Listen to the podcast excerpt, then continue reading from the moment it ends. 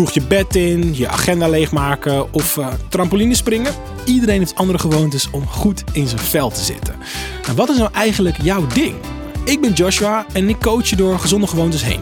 Samen proberen we wat nieuws. Met mijn stem in je oren vind jij zo je ding. Wat eten we vandaag? Het is misschien wel de meest gestelde vraag ever, weet je? Eh, en op het moment dat je het afvraagt, is het vaak eigenlijk al te laat. Want de kans dat je dan naar iets bekends en iets snels teruggrijpt, is eigenlijk heel groot. Nou, terwijl variatie in je maaltijden juist zo goed is. En daarom help ik je vandaag met het zetten van de eerste stap naar een wat meer gevarieerd eetpatroon. En dat doen we door het maken van een weekmenu.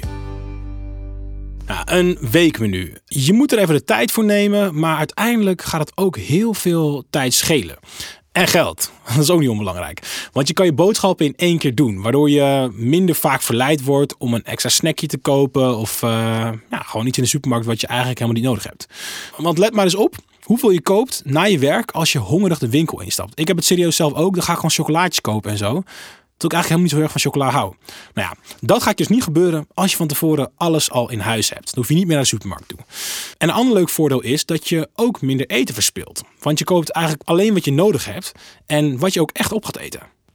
Nou, een weekmenu kun je het best op een vaste dag maken. Dus bijvoorbeeld elke zondagavond of elke maandagmiddag, wat dan ook.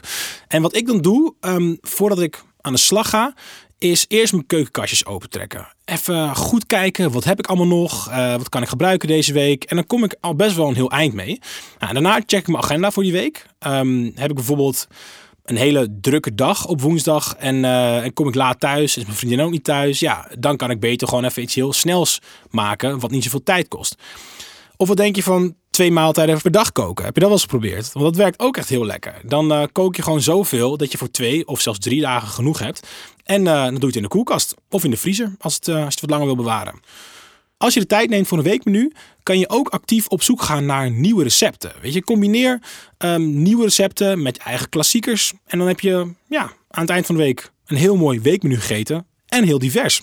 Ben je benieuwd of een weekmenu voor jou werkt? Dan moet je het misschien gewoon een keer uitproberen. Nou, dat was hem weer. Een nieuwe gewoonte die meetelt voor jouw gezondheid. En is een weekmenu niet echt iets voor jou? Volgende week weer een kans op een goede nieuwe gewoonte. Meer tips? Ga dan naar zk.nl slash gezondere voeding.